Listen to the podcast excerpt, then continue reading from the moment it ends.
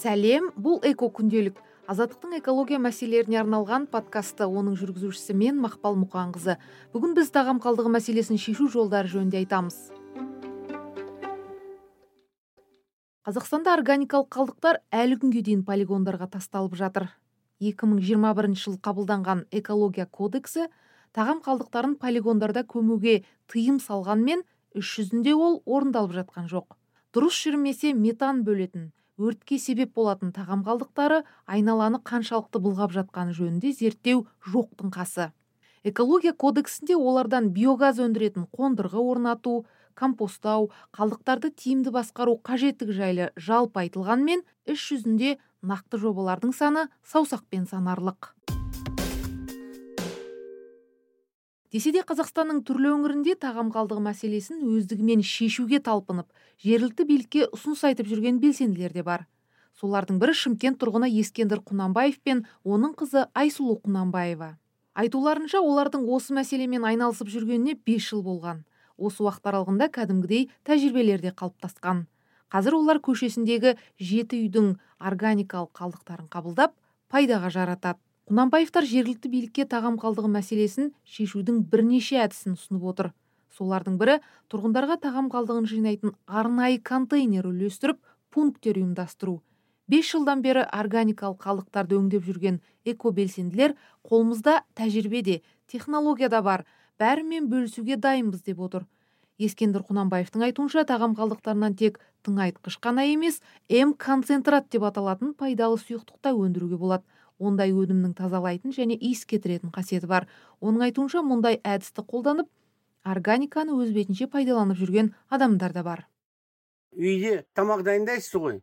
Тамақ дайындағаннан кейін сексен процентің тамаққа кетеді. Оның қалдығы кейін бөлек мына жиырма проценті анандай қалдық қалдығы болады. Сол қалдықты қалай жинауға болады деп біз өзіміз жинамаймыз біздің көршілер бізге әкеліп береді сол тамақтың қалдықтарын. И содан біз м технология деген бар. Содан м препарат істейміз м концентрат м сто м ургаса м патока м экстракт м компост м бакаши жарты литрі екі мың тұрады. А бұл мен, мен қазір шелек шелекпен тұр мне сто литр мен, мен, мен бизнесмен емеспін ғой мен сатпаймын оны. Қазір адамдар береді беріп тұрамын мен оны. Отыз келі тамақ қалдықтарынан маған бес литр уже м препарат шығады. Бес, бес литрден де көп. А ол канализацияның микробтарын зараженный нелерін бәрін ә, технология шығардым мен соның бәрін өлтіріп оның орнына біздің растворды құйып и получается анандай ә, иловый отстой деген естідіңіз ба? Квадрат тұр ғой сол жақта. Соны кейін тыңайтқыш істеуге болады содан. Зеленый пояс деген ғой қалада болады ғой.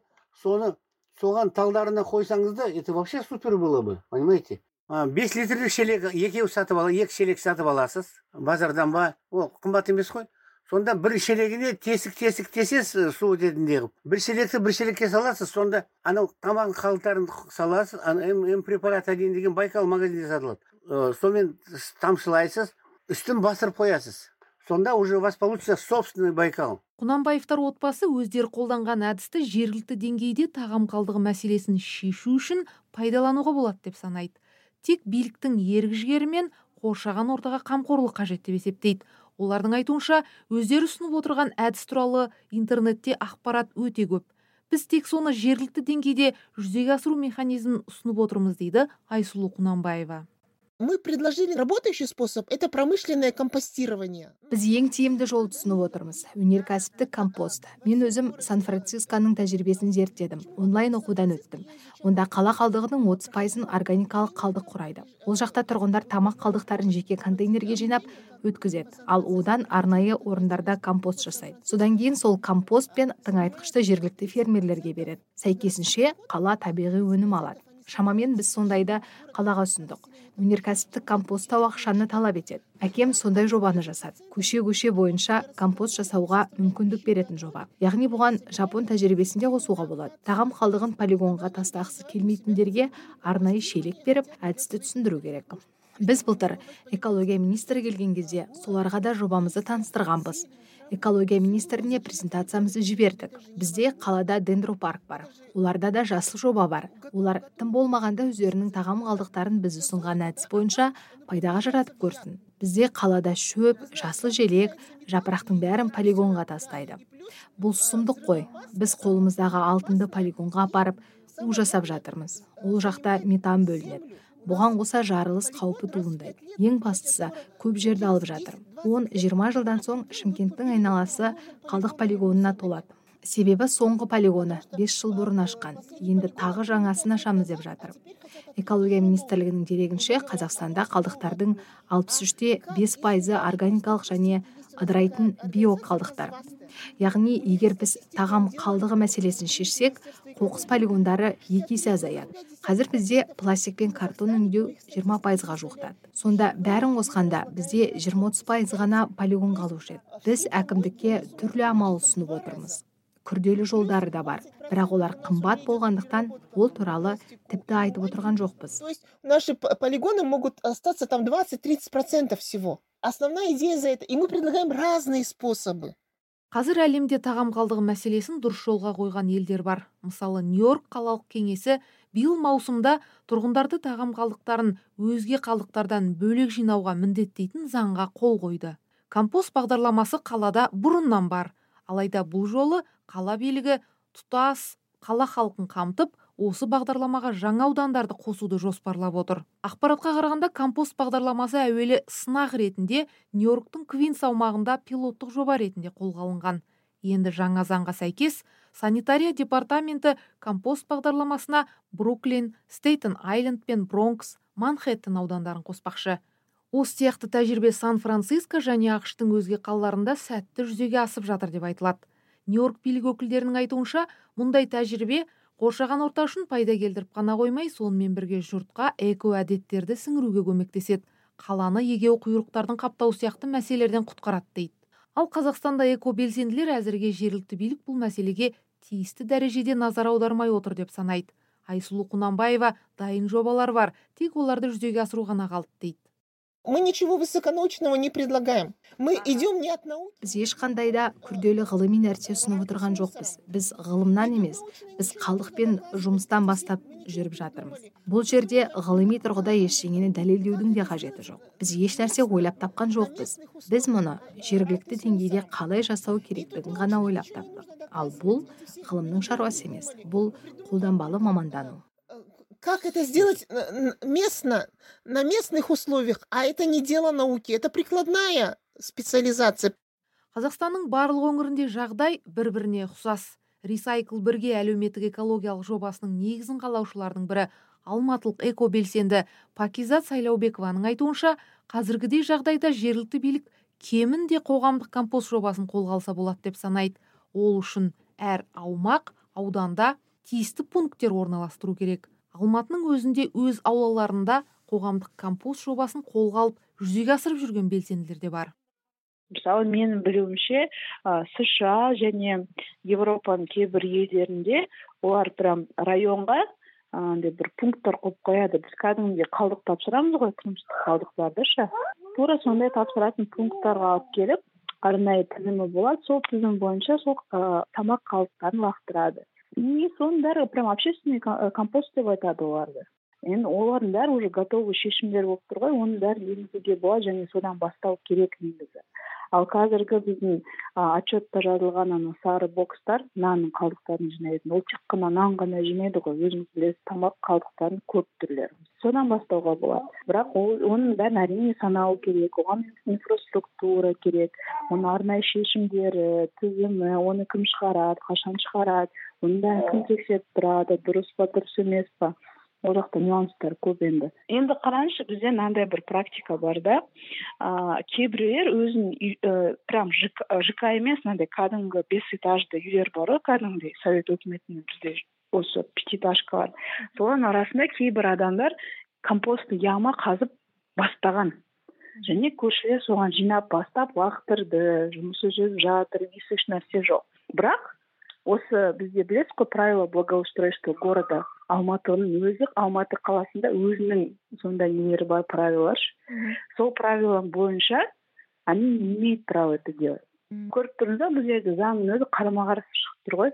Қазақстанның экология министрлігі аймақта жағдай нашар екенін мойындайды. Экология және табиғи министрлігі қалдықтарды басқарудағы мемлекеттік саясат департаментінің қатты тұрмыстық қалдықтар басқармасының басшысы абылай алмұхановқа органикалық қалдық мәселесі бойынша экология кодексінің талаптары неге орындалмай жатыр деген сұрақты қойып көрген едік. Министрлік өкілінің айтуынша әкімдіктер әзірге кодексте айтылған нормаларды жүзеге асыруға дайын емес. Алайда аймақтарда жекелеген жобалар бар. Жалпы еліміз бойынша осы қазіргі таңда биокомпост алу арқылы биоэлектростанцияларын іске қосу бойынша шаралар атқарылуда. Бірақ алайда қазіргі таңда бұл норма бойынша әкімдіктер дайын еместігін айтып кетуге болады. Мысалға қазір қандай жобалар бар деп айтатын болсақ батыс қазақстан облысында биокомпост алу арқылы жалпы биоконсервация жасалынады. Қызылорда облысында тамақ қалдықтарынан компост алынады. Және де лисаковск қаласында қостанай облысының илин жауапкершілігі шектеулі серіктестігі калифорниялық құрттарды пайдалану арқылы тамақ қалдықтарын компосттап биогумус алады және де қостанай облысында биогаздық құрылғылар бар. Жалпы тағы да ә, батыс қазақстан облысында қарағанды облысында жалпы биогаздық электростанцияларды салу жоспарлары бар. Әртүрлі жобалар бар бірақ ә, барлық әкімдіктер ә, түбегейлі осы норманың ә, жүзеге асыруға дайын емес деп атап өтуге болады. Елімізде жыл сайын төрт жарым миллион тоннадай тұрмыстық қатты қалдықтар түзіледі. Оның ішінде шамамен 30 пайызы органикалық қалдықтарды қамтиды. Негізі полигонға тасталған органикалық қалдықтар ә, дұрыс жүрмесе метан бөледі жарылыс қаупі туындайды. Қазақстанда тағам қалдықтарының қоршаған ортаға әсері зерттелген ба? Жалпы иә полигонға тасталған органикалық қалдықтар олар парниктік газдар шығарындыларын ә, түзейді. Осыған байланысты қазақстан республикасы экологиялық кодексінде полигондарға қатысты талаптар бекітілді. Түрлі технологиялар бар. Ол үшін әкімдіктер тамақ қалдықтарын халықтан түзілу көзінде оларды бөлек жинауды қамтамасыз ету керек. Ол бойынша министрлік тұрмыстық қатты қалдықтарды бөлек жинаудың талаптарын ә, бекітті. Оған сәйкес органикалық қалдықтар басқа қайта өңдеуге жарамды пайдалы фракциядан бөлек жиналуы тиіс. Өйткені қайта өңдеуге жататын қалдықтар органикалық қалдықтармен араласса оның қасиеті жоғалады. Сондықтан екі фракцияда құрғақ және дымқыл фракцияда қалдықтарды бөлек жинауды әкімдік ұйымдастыру қажет.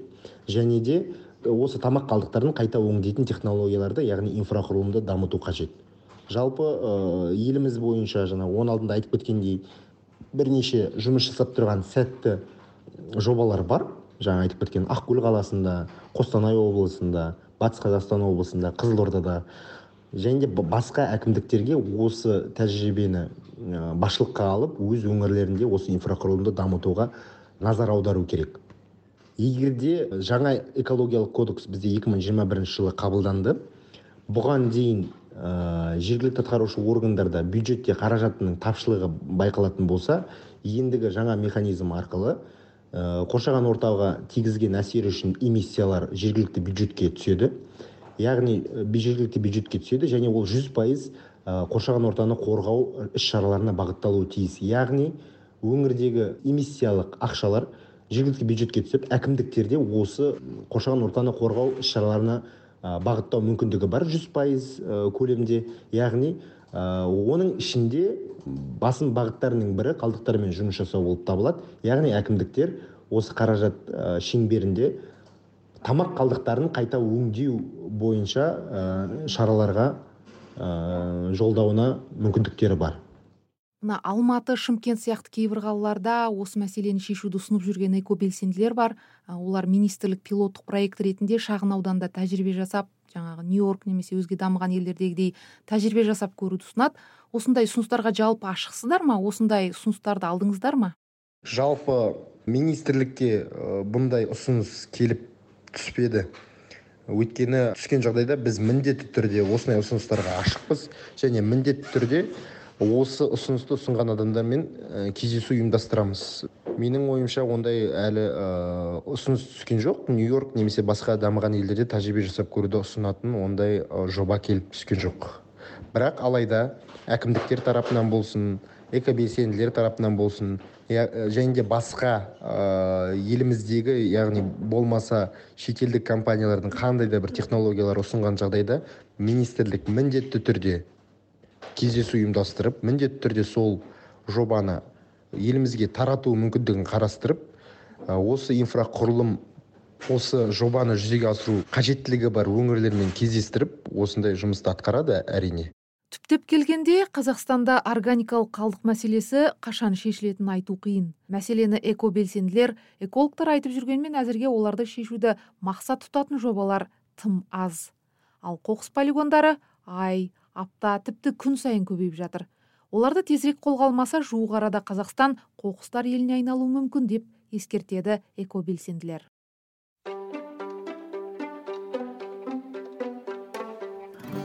Эко күнделіктің тағам қалдығы мәселесіне арналған эпизоды осымен аяқталды. Подкаст екі аптада бір рет шығады. Эко күнделікті азаттық сайтынан азаттықтың ютуб парақшасынан google apple podcast спотифайдан тыңдай аласыздар. Сау болыңыздар.